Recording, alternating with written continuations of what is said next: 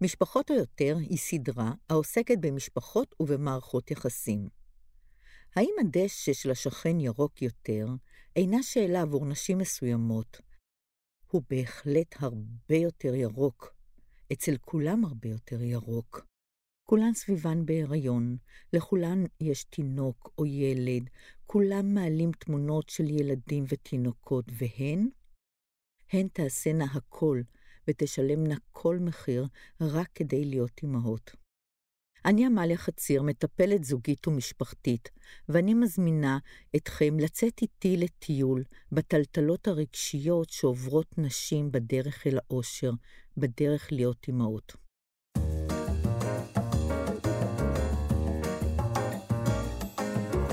משפחות, או יותר, התא המשפחתי בעידן הפוסט-מודרני.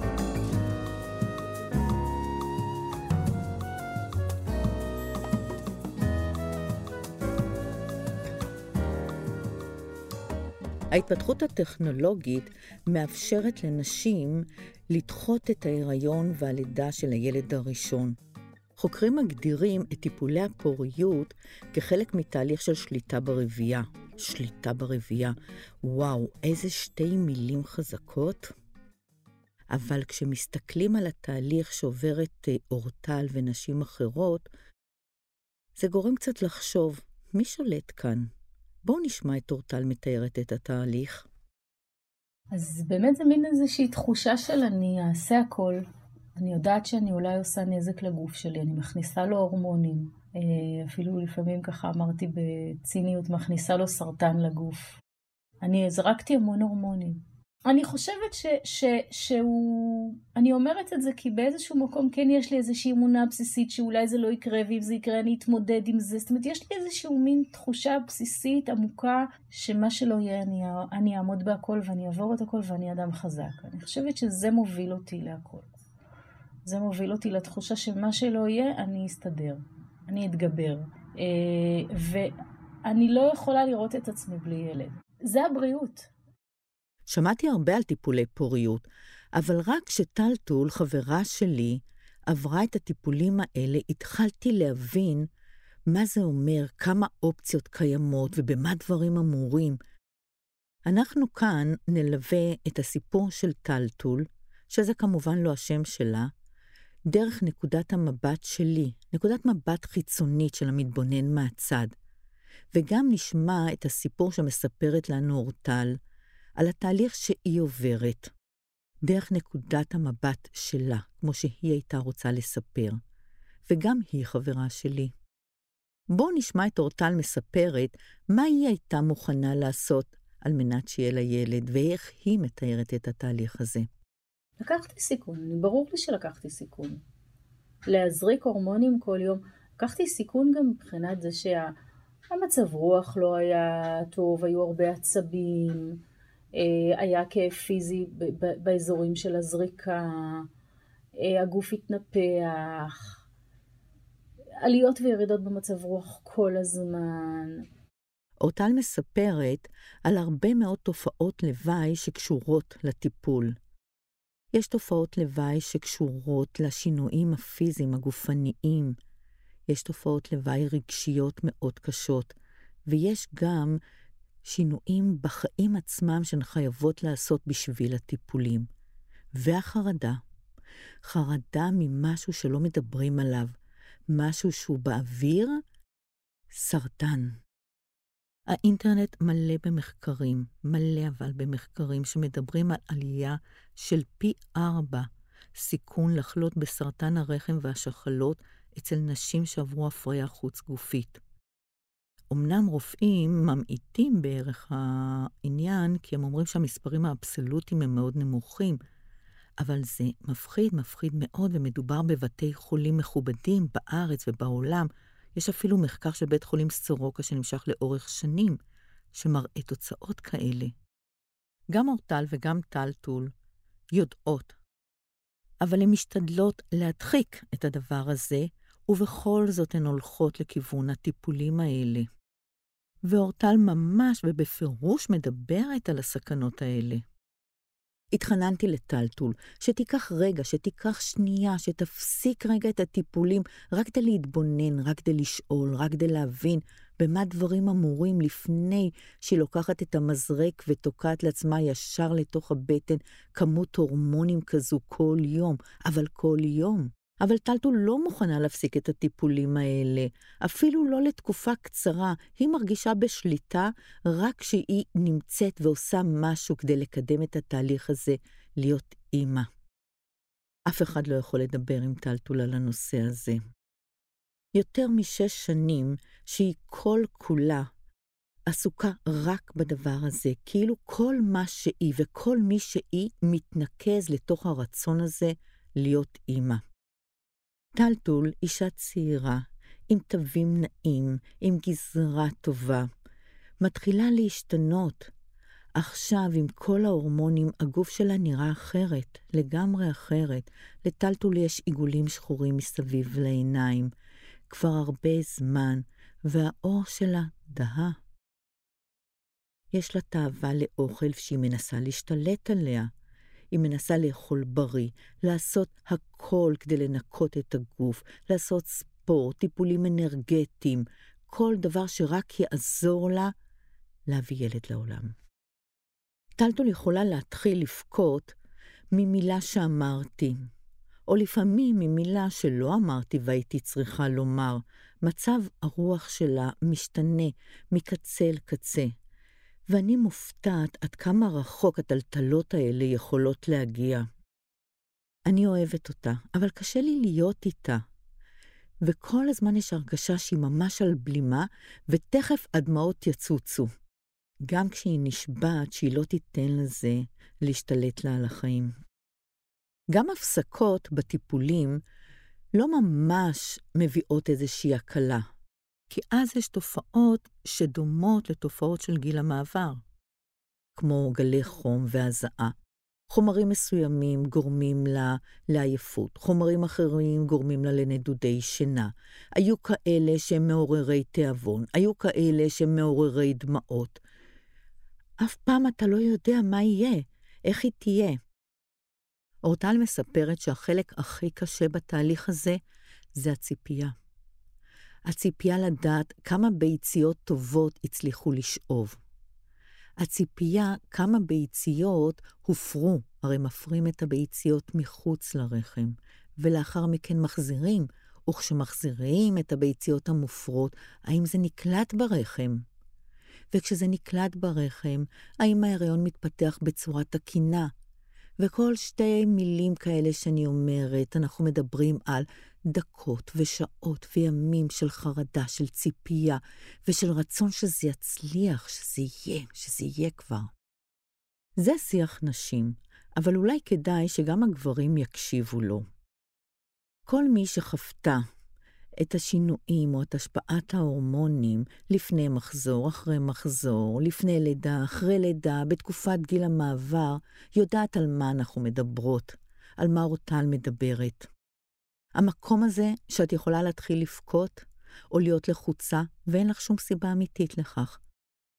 ואני זוכרת את עצמי, אחרי הלידה, בוכה, כי נגמר הקוטג' בבית החולים, ואני זוכרת את הבעלה של בן הזוג שלי שהגיע, ואומר לי, באמת, את בוכה כי נגמר הקוטג'? זה היה מצחיק, אבל אני לא הצלחתי להפסיק לבכות, כי הגוף שלי היה מלא הורמונים שהשתוללו. ואנחנו מסתכלות על עצמנו ושואלות, לפעמים, זו אני? זו באמת אני? תיקחו את החוויה הקטנה הזאת שלכם ותחשבו על נשים שמבחירה מזריקות לעצמן הורמונים בכמויות גדולות, והטירוף הזה, כל הסערות שעוברות עליהן. הן אומרות בפירוש, זה לא אנחנו, אנחנו יודעות שזה לא האופי, שזה לא המחשבה העצמאית שלנו, שההורמונים מנהלים אותנו. זו חוויה של חוסר שליטה, חוסר שליטה מוחלט. וזה מפחיד לראות את זה, לא בגלל ההתנהגות, אלא בגלל ההבנה שחומרים כימיים יכולים או עלולים להשתלט לנו על ההתנהגות, על המוח שהם מנהלים אותנו. היו לי עם טלטול הרבה מאוד שיחות על הנושא, בעצם אלה היו יותר מונולוגים, כשאני מדברת, והיא כל הזמן הודפת אותי, ממש הודפת אותי. אמרתי לטלטול שאפשר אולי לוותר ושתהיה אם פונדקאית, אבל היא רצתה להיות בהיריון. אמרתי לטלטול, אולי ביצית של מישהי אחרת, אבל לא, טלטול רצתה שזה יהיה ילד ביולוגי מביצית שלה. זה לא הסיפור של אורטל או של טלטול, זה סיפור על נשים שמוכנות לעשות הכל, לשלם כל מחיר על מנת להיות בהיריון, גם במחיר של הבריאות הפיזית, הרגשית והנפשית שלהן.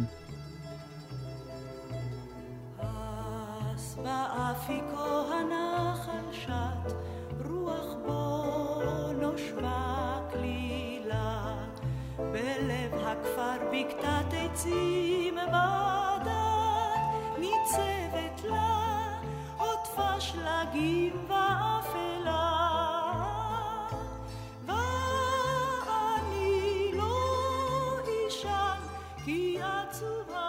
שליטה ברבייה, כך קוראים לזה. אני לא יודעת אם הרופאים שרושמים את הפרוטוקולים, כן, קוראים לזה פרוטוקול לצירוף הזה של ההורמונים, לקוקטיילים האלה. אם הם היו צריכים להזריק לעצמם עם כל תופעות הלוואי, אם הם היו עושים את זה, האם הם היו עושים את זה בכזו אינטנסיביות לאורך כל כך הרבה שנים? זה סיפור על מרפאות ורופאים, המתפרנסים היטב מהחלום הזה של נשים שרוצות ילד בכל מחיר. גם במקרים שהסיכויים להביא ילד כמעט אפסיים, תמיד ינפנפו באיזה סיפור של אישה בת 70 או בת 80 שהצליחה ללדת, ואני לא אומרת את זה בחיוך, אני אומרת את זה עם הרבה כאב וכעס על זה. זה סיפור של חברה שמבנה את התפקיד הנשי חזק מדי ומזוהה מדי עם התפקיד האימהי. זה סיפור של מבנה שליטה חדש, מבנה שליטה בגוף האישה, שאיבות, הזרעות, החזרות, רחם להשכרה, ושאלה של מי הגוף הזה בכלל. אני שואלת את אורטל עד כמה היא הייתה מעורבת בתהליך הזה. האם שאלו אותה, הסבירו לה? אורטל ממש מופתעת מהשאלה שלי, ואומרת, אף אחד לא הסביר לי, אף אחד לא אמר לי ברמה הכי טכנית שיש. גם לא בדיוק אמרו לי, יש פרוטוקול כזה, יש פרוטוקול אחר. אמרו לי, את צריכה לקחת X, את צריכה לקחת Y, עכשיו את זה תקחי יומיים, תבואי בעוד יומיים, תעשי, תעשי בדיקת דם, תבואי בעוד שלושה ימים, תעשי בדיקה אה, אולטרסאונד, תעש... זה ממש, אפילו לא, לא, לא הסבירו לי לטווח רחוק. מה, ש, מה שידעתי זה מזה ששאלתי נשים אחרות, מזה שקראתי, אף אחד לא בא והסביר לי שום דבר. אורטל מסבירה לי איך הדברים מתנהלים. הן לא יכולות לבחור את הרופא בתוך המרפאות הציבוריות. אפשר שיהיה רופא פרטי, וזה עולה כסף, הרבה כסף, אבל רופא פרטי שהן משלמות לו הוא לא באמת רופא אישי. הוא לא מתייחס לחלקים האחרים של הנשים, לחלק הרגשי, לנסיבות, למה שעובר אותן. רק פרוטוקול, הוא גם לא משתף אותן, והן חייבות לסמוך עליו בעיניים עצומות. אורטל מספרת לי על אה, רגע קטן, רגע של חסד, שהיה לה פעם אחת עם הרופא שטיפל בה. היא אמרה לו לפני השאיבה של הביציות שהיא נורא פוחדת ושיחזיק לה את היד. והוא חייך אליה חיוך מרגיע, החזיק לה את היד, ואז הוא ליטף אותה במצח עד שהיא נרדמה, והיא זוכרת את ההתייחסות הקטנה הזאת כמשהו שהוא נקודת אור בתהליך הזה. הפנים שלו ממש זורחות שהיא מתארת את זה, גם היום. אני שואלת את טלטול, למה אתן לא דורשות משהו אחר, התייחסות אחרת? ואז טלטול מביטה בי בעיניים עצובות גדולות, ואומרת, לך קל לדבר, לך יש ילדים. יש הרבה מאוד רופאים שעוסקים בטיפולי פוריות, ומן הסתם יש כאלה שמתייחסים יותר או מתייחסים פחות.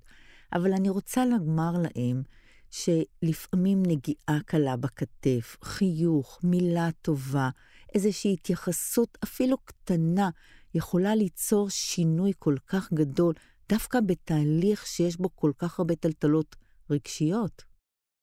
אני שואלת את אורטל על קנאה, והיא שותקת רגע, והיא אומרת לי, את יודעת מה זה? הרי אנחנו בתוך קבוצה שכולנו בני אותו גיל פחות או יותר, וכולם עסוקים בילדים שלהם, בהריונות, בלידות, בלחתל, בלהאכיל, ואני צריכה לשבת ולהסתכל על זה.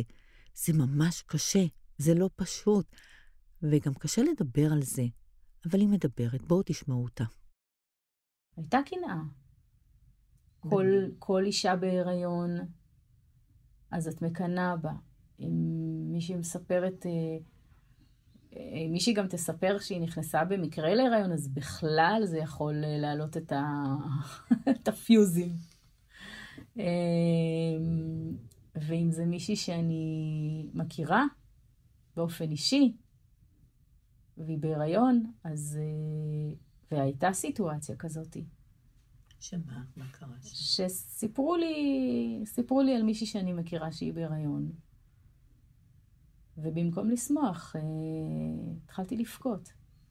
לא יכולתי להיות בשמחה שלה. כי, כי קינאתי, כי אני, אני רציתי להיות בהיריון. אני רציתי את זה לעצמי. קשה לדבר על קנאה, אבל אורטל מרשה לעצמה כי היא כבר הרבה שנים אחרי. יש לה שני ילדים. טלטול עדיין מחכה. אני מביטה על טלטול מהצד, ורואה איך כל ההישגים המקצועיים שלה פשוט מתגמדים. לא מזמן היא קיבלה קידום בעבודה, והיא גם איזושהי חבילת אופציות מאוד מפנקת. אבל היא אמרה לי, טוב, תראי, אני מתקדמת כי אין לי ילדים, אחרים רצים אה, לילדים שלהם, ולי אין את זה. ופעם היא קיבלה פרס על משהו שהיא פיתחה. כל המשפחה הייתה מוזמנת, הייתה חגיגה, והיא יכלה להגיד לי אחרי, את יודעת, זה לא במקום. וכולנו ידענו על מה היא מדברת. כל ההישגים שהשיגה נצבעו באור חיוור מול האין, מול זה שהיא לא יכולה להיות אימא. וטלטול יכולה להגיד לי משפט, את יודעת, זה לא משנה מה אני אעשה. תראי, כל פוסטמה יכולה להיכנס להיריון, רק הגוף שלי לא מצליח. זה לא תמיד היה ככה. אני לא מצליחה להבין איך הכמיהה הזו לילד מצליחה לגמד את כל החיים שלה, את כל מה שהיא עושה, עד כדי למחוק את הכל. יכול להיות שאלה ההורמונים. לפעמים היינו מצליחות לצחוק, והיא הייתה אומרת לי, את יודעת שזה לא אני, זה רק הפרוטוקול החדש שנרשם לי. חשוב לי לציין שגם אורטל וגם טלטול וגם הרבה מאוד נשים אחרות מצליחות לאסוף את עצמן במקומות העבודה או במקומות שהן חייבות לאסוף את עצמן. יש מקומות לכל אחת מהן שהן יכולות להתפרק ולפרוק ליד חברות טובות, ליד האימהות. כל אחת מהן בוחרת את המקומות שהיא מרגישה בהן בטוח. אורטל מספרת שאת מרבית הריקושטים ספג בן הזוג שלה, ואני מניחה שגם אצל האחרות זה ככה. אני מקווה שאני אסיים את הפודקאסטים האלה וטלטול תשמע, היא תבין עד כמה היא הייתה בלתי נסבלת בתקופה הזו, ועד כמה אני אוהבת אותה, וכמה אני מתפללת, מתפללת בשבילה שיהיה לה ילד. טלטול ואורטל, כל אחת מהסיבות שלה, התחילה מאוחר את הניסיון ללדת את הילד הראשון. היום הרבה מאוד נשים צעירות דוחות את הלידה של הילד הראשון, כי יש אמצעי מניעה ואפשר, כי יש להן קריירה שהן היו רוצות לבנות קודם, כי הן לא הצליחו למצוא את האחד שיתאים להן, כי המסלול שהן נמצאות בו לא הוביל למשהו משפחתי ולבנייה של קשר, מכל מיני סיבות. הן רוצות למצוא את האחד, ואיתו להביא ילד לעולם, ולא לבד. הסוציולוגית, פרופסור אווה אילוז, אומרת שאם את בת 35, גם אם את יפה, מוצלחת, מוכשרת, משכילה, עם משרה טובה, הסיכוי שלך למצוא זוגיות קטן, וזה לא קשור אלייך, וזה לא משהו שצריכים להביא לספת הטיפולים. זה משהו שאנחנו צריכים להתבונן בו, בתפיסה הקפיטליסטית שהחברה הולכת אליה, ההסללה של אנשים למסלול קריירה בצורה הזו, באופן הזה, יוצר את מרבית הבעיות. טלטול מצא את האדם שמתאים לה, האדם הנכון, לפני שמונה שנים, ואיתו היא עשה את הדרך הזאת של טיפולי הפוריות, והוא זה שעוטף אותה, מכיל אותה, מאפשר לה, מחבק אותה, ואולי היה שווה לחכות לו את כל הזמן הזה. הסיפור של אורטל בעיקרון סיפור דומה. גם היא חיפשה את האחד שמתאים לה, ולקח לה לא מעט זמן למצוא אותו ולמצוא זוגיות. ואורטל מחייכת כשהיא אומרת לי, את יודעת, מרוב החלום על משפחה, על זוגיות, על ילדים, כמעט איבדתי את זה בתהליך הזה של טיפולי הפוריות. כל החיים שלי התארגנו סביב הטיפולים, עד שכמעט שכחתי שיש שם מישהו שעומד מולי, בן הזוג שלי, שיש לנו גם חיים, יש לנו גם אהבה, שגם את זה אנחנו צריכים לטפח. הוא לא היה שם.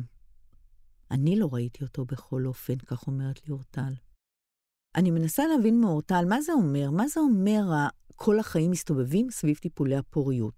ואז היא אומרת לי, תראי, חייבים להזריק את הזריקות האלה תמיד באותה שעה, בשעה קבועה.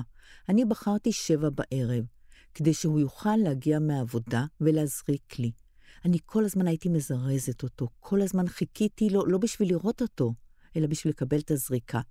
וידעתי שאם הוא לא יגיע או יפספס, אני צריכה להספיק לרוץ לקופת חולים כדי שהאחות תזריק לי. זה היה מין ריטואל כזה, שאי אפשר היה לזוז ממנו. פעם היינו צריכים לנסוע לאיזשהו אירוע שהיה ממש ממש חשוב לנו, של המשפחה בצפון. נסענו לכמה ימים. וכמובן שלקחנו את המזריקים עם קירור, עם כל מה שצריך. בשעה שבע בערב בדיוק הוא צריך להזריק לי, ואז הוא מוציא את המזרקים ועף לו מזרק ומתנפץ על הרצפה. ואנחנו לא יודעים מה לעשות, אנחנו עומדים מול זה, ולא יודעים מה לעשות. התחלנו להתקשר לכל מיני מקומות, לחפש איזשהו קוקטייל, משהו שייתנו לנו תחליף בבית מרקחת. כלום, לא הצלחנו. לא היה שום אירוע, אבל שום אירוע משפחתי או אירוע אחר, שעמד בתחרות עם הצורך להזריק. מבחינתי, אומרת אורטל. חזרנו פשוט הביתה, ויתרנו. לא היינו באירוע הזה. אבל אורטל היא בת מזל, נולדה לה ילדה, היא הצליחה, היא עשתה את זה. ואז, אחרי כמה זמן, היא החליטה שהיא רוצה לעשות ילד נוסף. היא הבינה שאם היא לא תעשה את זה מהר, היא תפספס את הרכבת. אבל היא כמעט פספסה רכבת אחרת. הייתה לה ילדה קטנה בבית, שהייתה צריכה טיפול, והיא הייתה עייפה כל הזמן, והטיפולים האלה, עם ההזרקות, עם הכעסים, עם הלחצים, הביאו את שניהם, אותה ואת בעלה, למצב של כמעט פרידה. היא הייתה צריכה להחליט, או ילד נוסף, או שפשוט לא תהיה לה משפחה. הוא יקום וילך, זה היה בלתי נסבל. היא ניסתה להדחיק את כל מה שהיה, אבל הגוף שלה זכר. הגוף שלה הגיב מאוד מאוד קשה. שוב, לזריקות האלה, אפילו פיזית באותו מקום שהיו צריכים להזריק, כאב לה. אחרי שנה שהדברים נרגעו קצת, היא חזרה לטיפולים. וגם הטלטלות האלה, היא הצליחה להיכנס להיריון, ובשבוע ה-12 גילו שאין דופק לעובר. והיא הייתה צריכה להיות שוב בחדר הניתוחים ולעשות הפלה. והיא אומרת לי, אני זוכרת שאמרתי לעצמי, אני לא מוותרת. יש כאן ילד אחר שצריך להיוולד לי. יש ילד אחר שצריך להיוולד לי. לא זה הילד שצריך היה להיוולד. לא זה הילד שהיה צריך להיוולד. והיא אומרת לעצמה את זה שוב ושוב כאיזושהי מנטרה שמחזקת אותה. ואכן נולד הילד האחר שהיה כן צריך להיוולד לה. אורטל היום מחבקת שני ילדים. ואני שואלת אותה, האם המחיר היה שווה? האם היא הייתה מציעה לנשים אחרות לעבור את התהליך הזה? ואתם צריכים לראות את האור שזורח לה מתוך העיניים ומתוך הפנים. היא מחייכת, והידיים שלה מתקפלות, צמודות לחזה, כאילו היא מארסלת איזשהו תינוק שלא קיים, והיא אומרת, אין אושר יותר גדול מזה בעולם. לחבק תינוק שהוא שלך. זה הדבר שהכי רציתי בעולם, זה האושר הכי גדול. אני לא יודעת אם הם יעריכו מה הייתי מוכנה לעשות כדי שהם יהיו כאן, אבל אני יודעת שעשיתי את זה בשבילי. הייתי מוכנה לעשות הכל. כדי להיות אימא, וזה שווה את זה. בפרק הבא נדבר על הזכות להורות. אני חושבת שכל אחד זכאי להיות הורה. גם זוגות חד-מיניים יכולים להיות הורים טובים או גרועים, זה לא קשור לנטייה מינית שלהם. אנחנו נדבר על הורות אחרת, אבל זה בפרק הבא. תודה לאלעד לוין על העריכה הטכנית. הסדרה, משפחות או יותר, הופקה על ידי הספרייה המרכזית לעיוורים ולבעלי לקויות קריאה, המרכז לתרבות מונגשת עבור החינוכית. please.